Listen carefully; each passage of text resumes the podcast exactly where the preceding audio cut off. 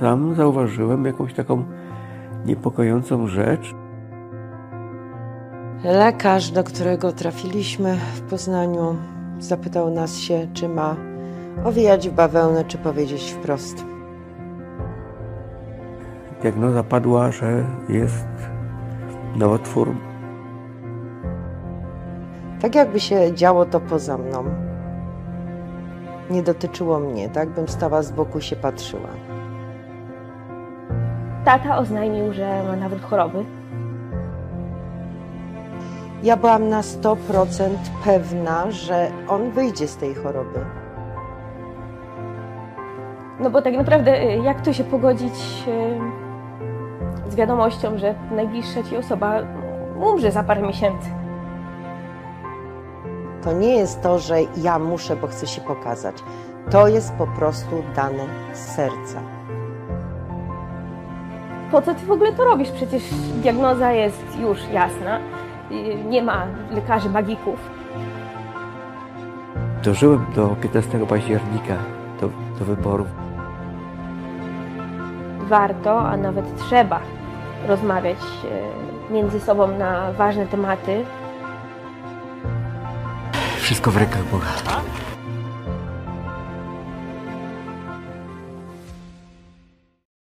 Mam na imię Krzysztof, chociaż niektórzy mówią na mnie Krzychu.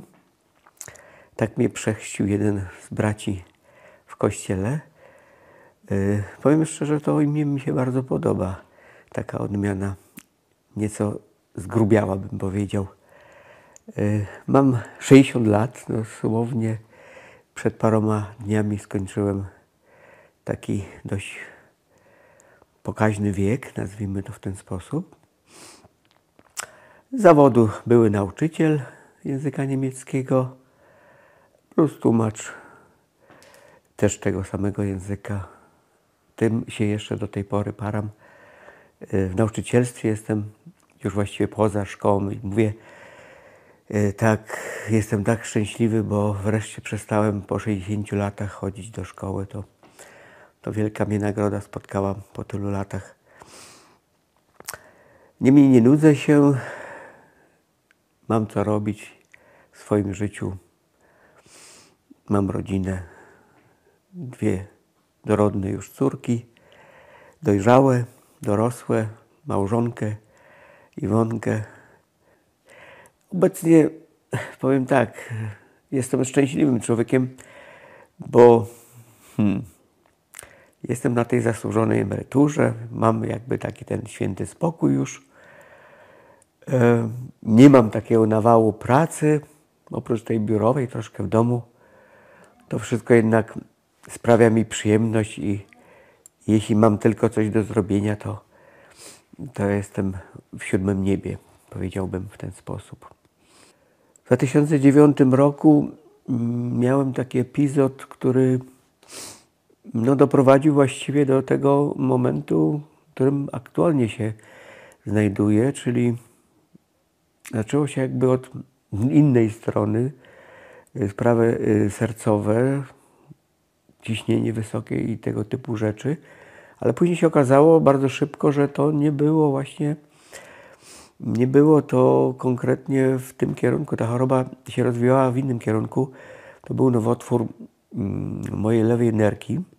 To dosłownie pół roku minęło od momentu właśnie, kiedy zacząłem się leczyć i diagnoza padła, że jest nowotwór mm, lewej nerki, który tam sobie jeszcze się tak do końca nie rozwinął i że można było tą lewą nerkę właściwie usunąć i wtedy ta choroba jakby była już zażegnana, że mm, jakby to powiedzieć, że dalszego leczenia po prostu ten mój przypadek nie wymagał. No ale jak to lekarze zawsze mówią, żeby wiadomo, trzeba kontrola onkologiczna i tak dalej. E, no oczywiście pięć lat pierwszych, e, no to była taka męczarnia typu, że człowiek się zastanawiał, kiedy ona wróci, czy wróci, jak wróci. E, to było to myślenie ciągle takie nastawione na to, żeby to życie jednak przedłużać i, i żyć jak najdłużej na świecie. Chyba zresztą jak każdy człowiek chciałby żyć długo. Wtedy tak w zasadzie nie myślałem o Bogu w tym, tych czasach. No, bardziej chyba byłem nastawiony na to, żeby tą chorobę przeżyć, żeby ją, e, żeby nią, nią zwalczyć. Lekarz, do którego trafiliśmy w Poznaniu, zapytał nas się, czy ma owijać w bawełnę, czy powiedzieć wprost. Powiedzieć wprost. No więc to nas kosztowało, a przynajmniej mnie też, jak to przypominam sobie do tej pory, bardzo dużo, ale jakaś taka złość mnie ogarnęła, niemoc, że no jak to tak, teraz sama z dziećmi będę, no byliśmy zawsze razem, najczęściej wakacje spędzaliśmy razem, wszystko wyjeżdżaliśmy razem. Dużo rzeczy robiliśmy razem, rzadko wyjeżdżaliśmy osobno, mieliśmy przecież dzieci, a tu nagle taki szok. A później stwierdziłam, że przecież no nie, to tak nie można, trzeba będzie walczyć. I zaczęliśmy tą walkę, bo mieliśmy dla kogo walczyć, dla naszej rodziny, dla dzieci. To był bardzo trudny okres. Później rekonwalescencja Krzyśka też nie była łatwa. Wszystko przeszkadzało, nawet jak go wiozłam ze szpitala. Uważaj, kamień, nie tak mocno, boli mnie. Ale właściwie pokonaliśmy wszystko. Pierwszej choroby mojego taty tak naprawdę do końca nie pamiętam, bo byłam małym dzieckiem, więc tak szczerze to nawet większych szczegółów przebiegu tej choroby to nie pamiętam. Większość e, dowiaduje się z opowieści, dowiedziałam się właściwie po latach z opowieści rodziców, no bo miałam tak naprawdę wtedy 10 lat, więc e, nie byłam świadoma tego, co się wokół mnie dzieje po prostu. Ale później 5 lat minęło, jak powiedzieli lekarze, po 5 latach jesteś już super, hiper zdrowy, więc ja się też tak czułem. Wróciłem do swojej aktywności sportowej, do jeżdżenia rowerem, do grania w kometkę, do pływania na basenie, wreszcie nawet do morsowania. Robiliśmy to systematycznie z kolegami w naszym tutaj akwenie niedaleko Sąpolna. I była frajda. I choroba w zasadzie jakby się cofnęła, albo już jej nie było. No minęło ponad 10 lat, dokładnie w roku 2022, kiedy e, no kiedy sam zauważyłem jakąś taką niepokojącą rzecz, że mam zgrubienie pod prawą pachą, czyli wtedy już sobie sam postawiłem diagnozę, mówię, chyba powiększone węzły chłonne. No i w zasadzie ta moja diagnoza była prawidłowa, bo faktycznie później się okazało, że te węzły chłonne były powiększone. Zgłosiłem się do lekarza, oczywiście standardowo badania USG, tomograf komputerowy i tego typu rzeczy. Znaleźliśmy tam w międzyczasie, ja z małżonką, z rodziny onkologa w Bydgoszczy, no to mówię już, jestem na dobrej drodze, żeby, żeby, mm, żeby tę chorobę pokonać. No oczywiście diagnoza padła pod koniec 22 roku, że już ten, y, że ten nowotwór, który jakoby był już zażegnany, ta choroba miała być zażegnana, on się niestety cofnął, czyli nawrót choroby nowotworowej z tego nowotworu jasnokomórkowego który był w lewej nerce, pomimo że tej nerki już nie było. Ktoś by się zdziwił, ja się niejednokrotnie dziwiłem. Nie mogłem wręcz po prostu, po prostu uwierzyć, że, że jak to mm, nowotwór usunięty, nerki nie ma, a choroba jest. No ale po kilku, powiedzmy sobie, pytaniach do lekarzy prowadzących i ich odpowiedziach już wiedziałem, że tak ma być, znaczy tak jest, inaczej nie będzie.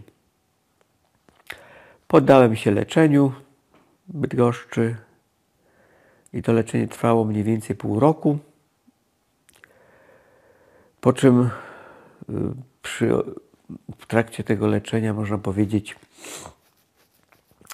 trakcie tego leczenia yy, zmieniałem kilkakrotnie lekarstwa, czy lekarze mi po prostu zmieniali lekarstwa. Ostatecznie, yy, ostatecznie miałem zaordynowane takie ciężkie, ciężką taką chemię, można to nazwać ciężką chemię, choć objętościowo to była jedna tableteczka na dzień, którą łykałem zawsze wieczorem, ale skutki uboczne tego lekarstwa były fatalne. Czułem się po prostu zdruzgotany, e, osłabiony, ogólnie nie do życia, brak apetytu, brak w ogóle łaknienia i właściwie to nie myślałem już w tym momencie o niczym więcej, jak e, bardziej o tym, żeby się przygotowywać do odejścia na ten świat. Nawet nie ukrywałem to wśród e, znajomych czy rodziny, że, że jestem przygotowany wręcz na to, żeby opuścić tutaj ten nasz padł ziemski i udać się do naszego Ojca w niebie. Y, nawet mi to nie, nie, nie robiło różnicy, chociaż y, moi najbliżsi tutaj niekoniecznie uważali w ten sposób jak ja, że już się powiedzmy poddaję i, i, i chcę po prostu porzucić jakby swoją rodzinę na korzyść tego e, tutaj Królestwa Niebieskiego. Druga, druga taka wiadomość, właśnie ten nawrót tej choroby. Powiem szczerze, że w tym momencie chyba nie czułam nic. W ogóle to było tak, jakby się działo to poza mną. Nie dotyczyło mnie, tak? Bym stała z boku się patrzyła. I się zastanawiałam, o matko, tak byłam otępiała, taka nie wiedziałam, co mam po prostu ze sobą zrobić. Niech się dzieje wszystko, co chce. Dzieje się poza mną, ja nie przyjmuję tego do wiadomości. Dopiero potem właśnie córki, kiedy zaczęły szukać po internecie jakichś lekarzy, może innych, później mi się przypomniało, że ja mam w rodzinie – i wstąpiła taka nadzieja, no przecież już rodzina, to się zajmą, będzie dobrze. No się okazało, że nie było dobrze. Było coraz gorzej. Chemia wyniszczała go. I właściwie taka nadzieja wstąpiła we mnie i tak, nie wiem, był taki moment, gdzie to jeszcze przed nawet, przed y, doktorem tak jakiś coś we mnie wstąpiło, że stwierdziłam, że przecież będzie dobrze. Ja nie dopuszczam do myśli do siebie, że będzie inaczej. Ja byłam na 100% pewna, że on wyjdzie z tej choroby. Nawet moja przyjaciółka do mnie mówi, no ale jak tego ja mówię, ale ja nie przyjmuję tego do wiadomości, będzie dobrze i koniec, kropka. Taka, taka, taką miałam pewność nie nawet na 100%, tylko na 200%. Teraz przy tym drugim nawrocie choroby, no jestem już dorosłą kobietą yy, i pamiętam, jak przyjechałam do rodziców w odwiedziny po prostu i tata oznajmił, że ma nawrót choroby. To po prostu zatrząsło moim światem. Było bardzo ciężkie do przełknięcia. Yy, nie wiedziałam tak naprawdę, co robić, aczkolwiek ta pierwsza myśl tak naprawdę gdzieś nie, nie dopuszczałam tego do siebie, że tata może być chory, że to coś poważnego. Stwierdziłam, że no, raz pokonał chorobę, to i tym razem przecież się uda, że to wykryte jest bardzo wcześnie, bo tata się bada i że obejdzie się tak naprawdę bez większego echa, że tak powiem. No i pierwsze tygodnie, e, a nawet pierwszy miesiąc, y, no mówię, podchodziłam do tego, że to teraz jest, ale to zaraz minie i to tak naprawdę nic wielkiego. Niestety potem z każdą e, kolejną wizytą u lekarza mm, były coraz gorsze wieści. E, diagnoza nie była taka, jak przypuszczałam, lekka. No i wtedy gdzieś tam ta moja nadzieja z dnia na dzień była coraz mniejsza.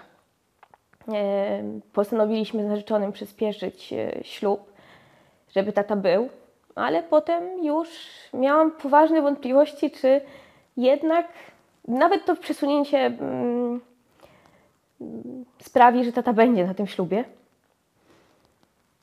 Potem ja szczerze już dopuściłam do siebie tą myśl, że taty niedługo zabraknie. Choć było to ciężkie, no bo tak naprawdę y, jak to się pogodzić z wiadomością, że najbliższa ci osoba umrze za parę miesięcy. Po prostu. Nie, nie, nie jest to łatwe, nie było to łatwe i myślę, że dla nikogo nigdy nie będzie. Zacząłem się bardziej intensywnie modlić do Boga o to, żeby jednak mnie pozostawił tutaj na ziemi dla swoich celów, bo wiem, wiemy, że mamy tutaj określony cel, żeby na tej ziemi być, nie tylko żyć, bo żyć, tylko trzeba również żyć dla Boga, Jego e, posługę robić. Więc e, bardziej intensywnie się zacząłem modlić. I w tym momencie był taki przełom jakby tej mojej choroby, bo po odstawieniu tego lekarstwa moja córka starsza, Marika, yy, kontaktowała się z lekarzem yy, tak w celach konsultacyjnych, lekarzem yy, z Poznania, onkologiem, żeby potwierdzić tę moją diagnozę lub zaprzeczyć. Ona pewno miała nadzieję, że może by zaprzeczyła tą e, diagnozę, którą postawiła, postawiła Bydgoszcz. Natomiast ja byłem raczej przekonany, że tutaj nie ma co zaprzeczać, bo, bo Bydgoszcz już e, raczej tę diagnozę dość szczegółowo określiła. Więc, e, ale diagnoza potwierdziła się, onkolog powiedział to, co, to, co ja już wiedziałem, to, co ona wiedziała, że to leczenie to raczej już jest paliatywne i że po odstawieniu leków w zasadzie można powiedzieć człowiekowi zostaje około trzech miesięcy życia. No, mówię tak, trzy miesiące to mimo wszystko jest kawał czasu. Zawsze można coś w tym okresie jeszcze dobrego zrobić. Poza tym znowu mi się przypomniały słowa y, mojego kolegi, przyjaciela Pawła, który powiedział, że trzeba pomimo może, że mamy pewne ograniczenia, trzeba, y, trzeba walczyć do końca. Trzeba y, żyć tak, jakby ta śmierć może miała nie nadejść, chociaż my jednak wszyscy jesteśmy do tego przygotowani, żeby ona jednak nadeszła. No i walczyłem i się okazało później takim dziwnym trafem właśnie w, tej, w tym Poznaniu Marika spotkała y, ludzi, którzy leczyli się u innego lekarza, który zaproponował mi później, jak się okazało, też leczenie mm, takie niekonwencjonalne, powiedziałbym. Niekonwencjonalne. No to takie leczenie, które, które aktualnie stosuję, które na mój gust, lekarzem nie jestem, ale moje takie symptomy choroby, które miałem, czyli y, powiększone węzły chłonne plus Y, przerzut na łopatkę prawą, te nowotwory się cofnęły. I teraz można powiedzieć, że prawie, że ich nie ma, albo nie ma. Będę miał jeszcze wizytę kontrolną nie za długo, bo 4 grudnia pod koniec października miałem zabieg kryoablacji, tak to się nazywa, czyli zamrażanie komórek nowotworowych ciekłym azotem. Y, Zabieg bezbolesny, gdyby kiedykolwiek ktoś chciał się takiemu zabiegowi poddać, to, to polecam, bo ani nie boli przed zabiegiem, ani w czasie zabiegu, ani nawet i po zabiegu, więc y, naprawdę przechodziłem y, już raz kiedyś zabieg z pełną narkozą i tutaj człowiek się budzi naprawdę bardzo spokojnie, bez żadnych bóli, tego typu rzeczy. I nawet później też nic się nie odczuwa. Więc po tym zabiegu jestem pełen nadziei, wiary w Boga, że jednak ten zabieg y, zrobił swoje. On ma za zadanie zabić te komórki nowotworowe, po czym na miejsce tych starych, zabitych będą powstawały nowe, które będą walczały jeszcze te istniejące w organizmie komórki nowotworowe. Pierwsza informacja o tym, że ma nowotwór, no przyjął to niezbyt dobrze. Był, zawsze był bardzo aktywny, morsował, jeździł na rowerze, wszystko co tylko możliwe, sport zawsze go interesował. Taki czynny, rowerem bardzo dużo jeździł. Więc to był dla niego taki szok. Dlaczego ja?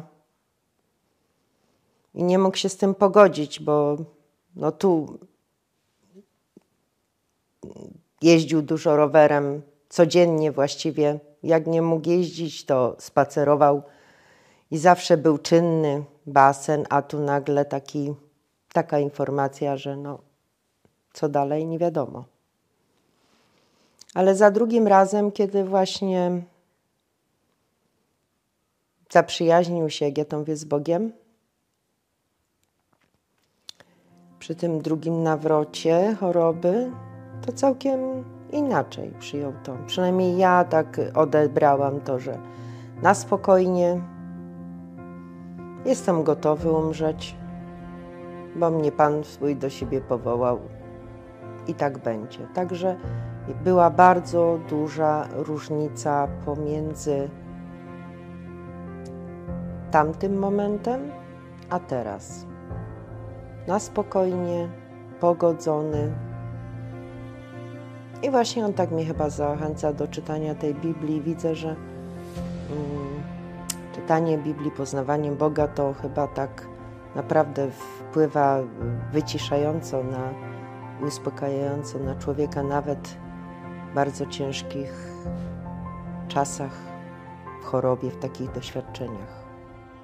No i później tak myślałam, że jednak ten ślub to odbędzie się bez taty.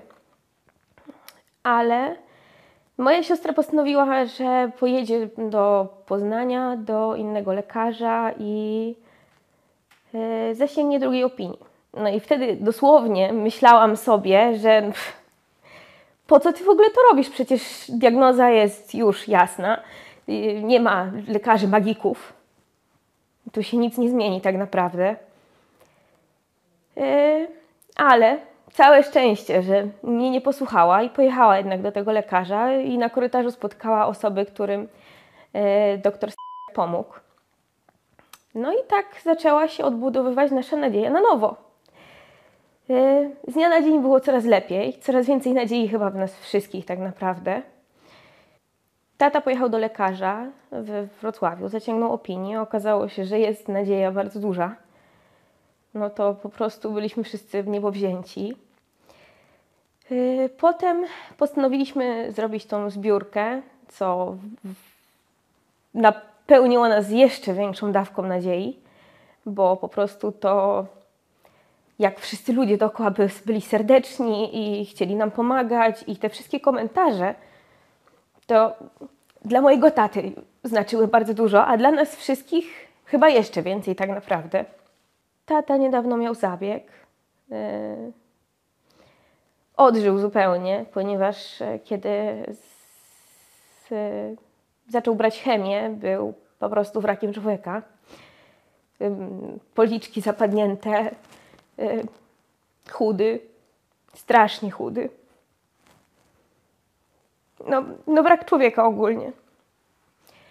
Ale potem odrzucił chemię, no i jakby pogodził się z tym, co, co ma nadejść. No i my wszyscy właściwie nie mieliśmy innego wyjścia, y, niż się z tym pogodzić, znaczy się z tym, z decyzją taty o odsunięciu, y, odłożeniu chemii. No ale teraz, e, tak jak mówiłam, doktor postawił jakąś tam diagnozę, że jest szansa. No i teraz po tym zabiegu kryoablacji wszystko się tak naprawdę zmieniło. Mamy nowe nadzieje, wierzymy w to, że będzie lepiej i to już są takie prawdziwe nadzieje. Ja naprawdę wierzę w to, że to wszystko będzie lepiej, że tata będzie na moim ślubie i że jego życie nie skończy się za parę miesięcy, a za parę, a może nawet paręnaście, daj Boże, że może nawet za parę dziesiąt lat. E, I to są takie prawdziwe nadzieje, w które w nas gdzieś tam niedawno wstąpiły. Kiedy ten, ta choroba mi się nawróciła, to miałem taką właśnie sytuację stresogenną, tak ją nazywam. W takim konflikcie byłem z dobrym znajomym, kolegą, przyjacielem, właściwie nawet pokłóciliśmy się o taką głupotę, można powiedzieć. Troszkę było winy po mojej stronie, trochę po jego. Ale to była sytuacja, która bardzo mnie dręczyła, męczyła. Można powiedzieć, już nie tygodniami, nawet miesiącami. Nie wiedziałem, jak wybrnąć e, z tej kłopotliwej sytuacji, ale udało się wreszcie jakieś, tak z mojej strony, znaleźć jakieś rozwiązanie, konsensus i wydawało mi się, że już jest ok, że yy, można powiedzieć, że ja zrobiłem swoje, ale nie zrobiłem najważniejszej, naj, najważniejszej rzeczy, czyli nie pogodziłem się z tym kolegą. Łatwo się jest pokłócić. Zresztą, jak wiecie, yy, można powiedzieć, to jest bardzo łatwe, ale godzenie się to jest dopiero sztuka, żeby się z kimś pogodzić, wyciągnąć do kogoś rękę, powiedzieć przepraszam i tak dalej. Ja wtedy bardzo prosiłem Boga, żeby pomógł mi w tej sytuacji, żeby, żebyśmy się pogodzili i żeby zamknąć wreszcie ten temat tego, tej naszej, tego naszego sporu. I udało się jakimś cudem. Wcześniej nawet powiem, było coś takiego, że tu byłem, może pomyślicie, że jestem jakimś takim konfliktowym człowiekiem, ale nie wydaje się, byłem, byłem tutaj w konflikcie z moim sąsiadem i wtedy, kiedy jak, jako nowonarodzony chrześcijanin chciałem dążyć do tej doskonałości, o której mówi Chrystus w Ewangeliach, że y, my, my, myśmy się do Niego upodobniali, upada, upada, upodobniali. I mówię, no trzeba się pogodzić i z tym, i z tamtym. I udało się jedno i drugie. Wcześniej się pogodziłem z sąsiadem. Wyszedłem po prostu do niego, powiedziałem, słuchaj, stary, nic takiego się nie stało. Taka głupota, nie musimy na siebie patrzeć wilkiem, tylko możemy normalnie jak, jak, jak sąsiedzi się spotykać na zasadzie cześć, cześć, czy jaka jest dzisiaj pogoda i tak dalej, pogadać sobie przy płocie i, i, i, nic, i, i będzie wszystko w porządku. Oczywiście wyciągnął rękę i od tej pory jesteśmy pogodzeni. Dzięki Bogu powiedział. I później właśnie z tym kolegą zadzwoniłem do niego. Nie było to łatwo oczywiście. Powiedzieć przepraszam, albo spotkajmy się, pogadajmy. Chociaż podejmowałem wcześniej wiele prób e, tego typu właśnie zażegnania tego konfliktu. Nie udawało się. Ale tutaj akurat upatruję to właśnie jako taką ręką, ręką, rękę boską, że w tym momencie Bóg mi pomógł i mogłem mu, mogłem się z nim spotkać, mogłem powiedzieć przepraszam, on powiedział przepraszam, spotkaliśmy się też tutaj u, u nas, oni przyjechali, czy małżeństwo, bo to było całe małżeństwo skonfliktowane razem e, z, ja z małżonką, razem z, z nimi, no i teraz jesteśmy na takim już etapie, że fajnym, że nawet chcemy się spotkać, jeszcze porozmawiać. Mamy to spotkanie już zaplanowane, nawet można powiedzieć. Kiedy córka powiedziała o zbiórce, odczułam takie właściwie, mm, jakby roz...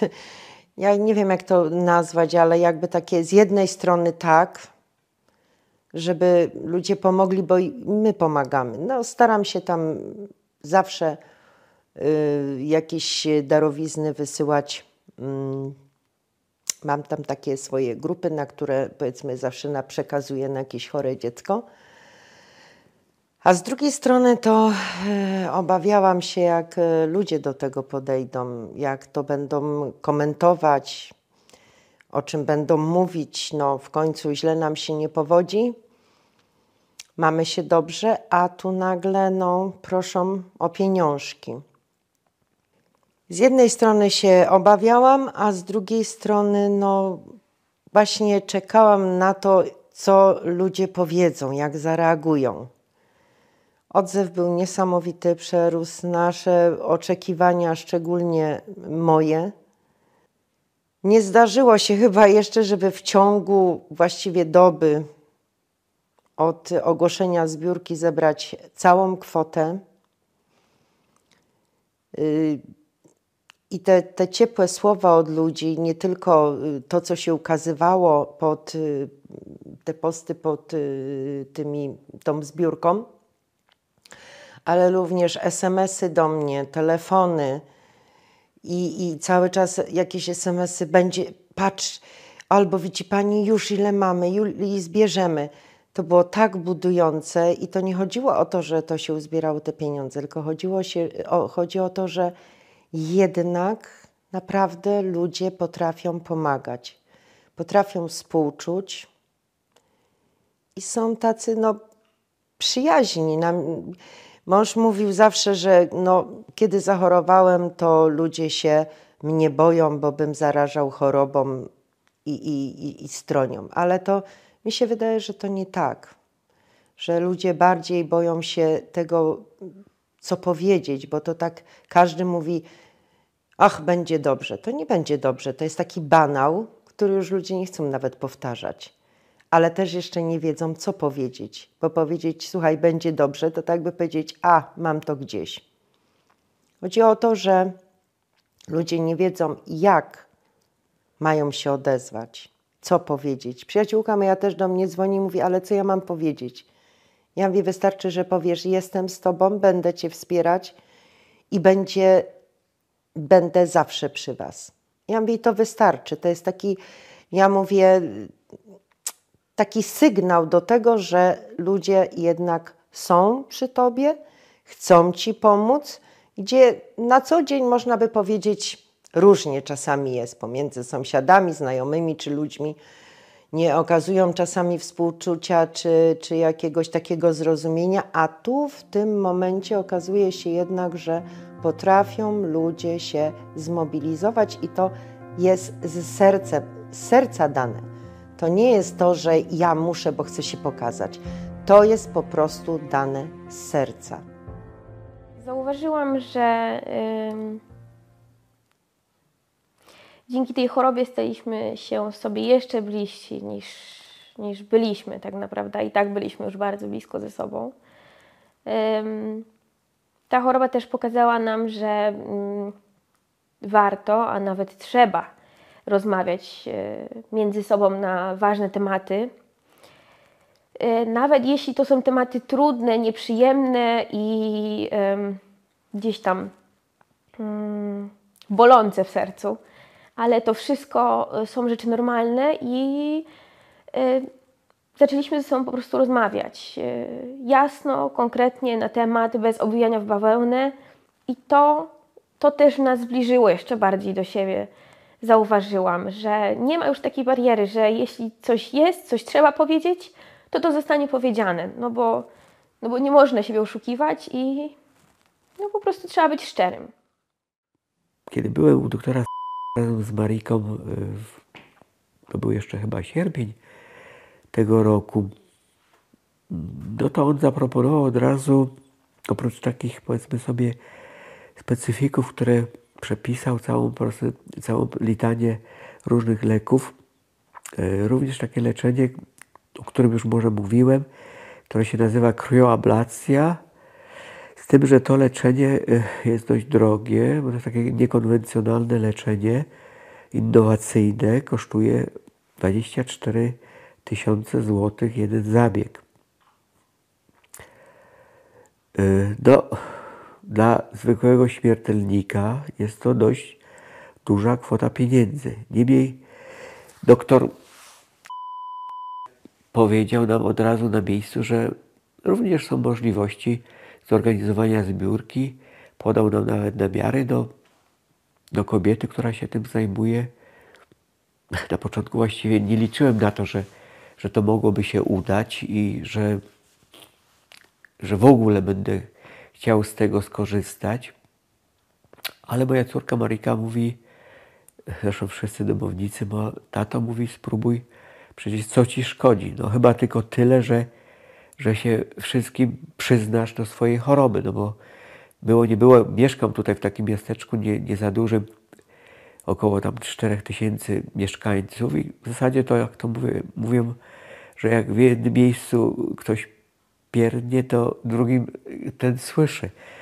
No i tak u nas mniej więcej jest, że Sąpolno to jest takie miasto, gdzie każdy o każdym wszystko wie, chociaż może i niekoniecznie o chorobach, bo zresztą ludzie widzę, że niechętnie jakoś tak na ten temat rozmawiają, czy nawet może nie chcieli słyszeć, że ktoś jest chory.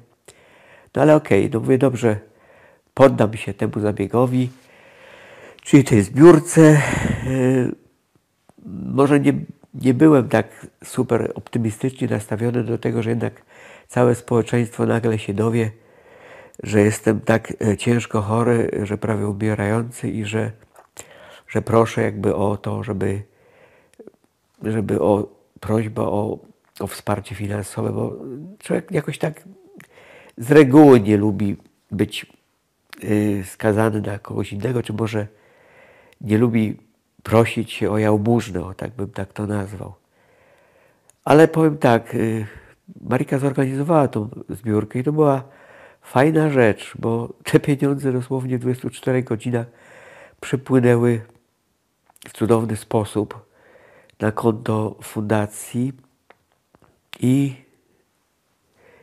one też nie były najważniejsze, bo w tym całym zamieszaniu, właściwie w tej całej historii, to ważniejsze było to, co ci ludzie pisali y, przy tym, y, kiedy wpłacali te pieniądze, więc te słowa były po prostu dla mnie budujące. To było coś niesamowitego. Ja wręcz powiem szczerze, łzy mi się cisnęły do oczu, bo, bo to były takie wpisy jakieś takie bardzo osobiste, takie, takie budujące, takie po prostu aż, no mówię, aż do łez.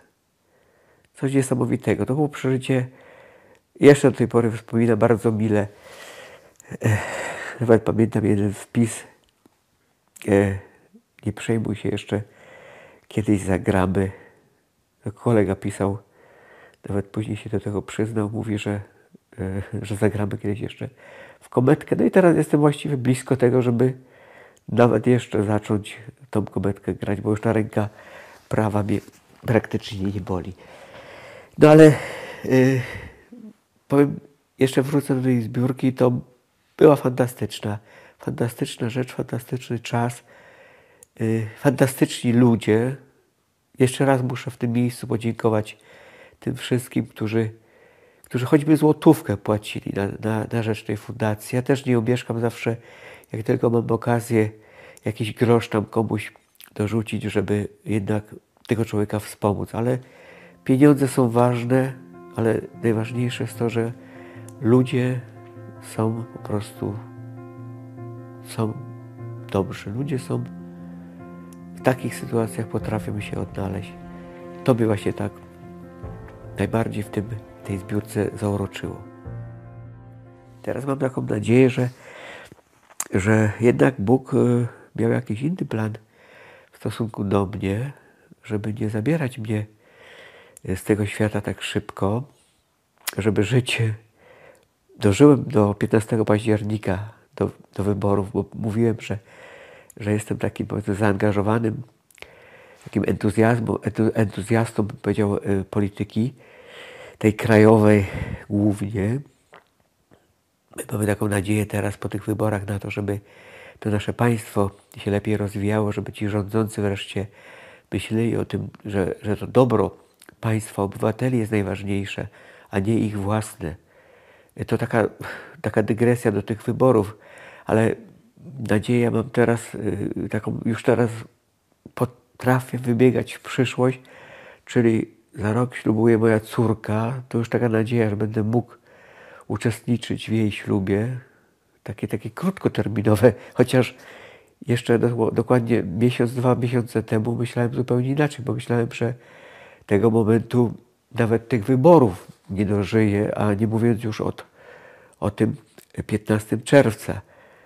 Ale głównie to mam taką nadzieję na to, że Bóg y, pozostawi mnie tutaj na ziemi po to, żeby żebym mógł mu po prostu służyć, żebym, żebym wypełniał to, co jest misją każdego chrześcijanina, czyli żebym mógł głosić Ewangelię. I czy można być wdzięcznym za chorobę? Tak sobie nieraz to pytanie zadaję. Y, ja szczerze powiem, jestem bardzo wdzięczny Bogu za to, że, y, że taką, to może śmiesznie zabrzmi, ale zesłał na mnie taką śmiertelną chorobę. Ale poprzez to stałem się bardziej pokorny. E, stałem się, mi się wydaje, bardziej cierpliwy. Staram się być lepszy. Chociaż wiadomo, że my pracujemy nad sobą całe życie. Każdy człowiek powinien co najmniej pracować nad sobą przez całe życie. Powinien się doskonalić, powinien się upodabniać do Jezusa Chrystusa. Czyli do tej doskonałości, którą ma Bóg. Chociaż wiadomo, że nigdy jej nie osiągniemy, bo to jest nieosiągalne. Ale ta choroba po prostu dała mi coś do, do myślenia, że oprócz tego, co tutaj mamy na tej ziemi, czyli wszystko to, co nas otacza, nasze dobra, te doczesne, czy to będzie dom, samochód, czy nawet zwykły laptop, czy też smartfon, to to wszystko nie ma większego znaczenia w stosunku do tego, że kiedyś i tak umrzemy. Nie zabierzemy tego ze sobą na tamten świat, zostawimy to wszystko tutaj. I dla mnie te rzeczy teraz są nieważne, one są taką marnością, które nas otaczą. Rzeczywiście musimy je mieć, no bo samochód nam jest potrzebny po to, żeby się poruszać, taki czy inny.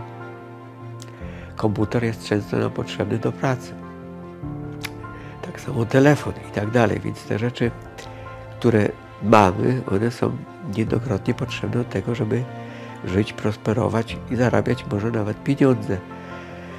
Ale nie są najważniejsze. Najważniejsze są po prostu rzeczy takie, które są pozaziemskie, czyli to, że kiedyś się spotkamy w przyszłym świecie z naszym Ojcem w niebie.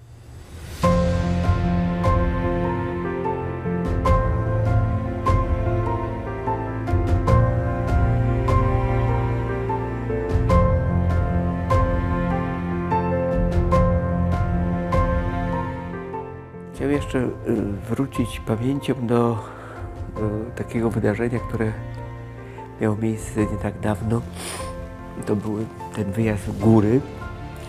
I zapytałbym się Was, czy macie kogoś takiego, kto by Wam zaproponował e, darmowy przejazd właśnie góry, kilkaset kilometrów, targanie mojego plecaka, czy wreszcie podawanie ręki wtedy, kiedy, kiedy już brakuje tchu w górach.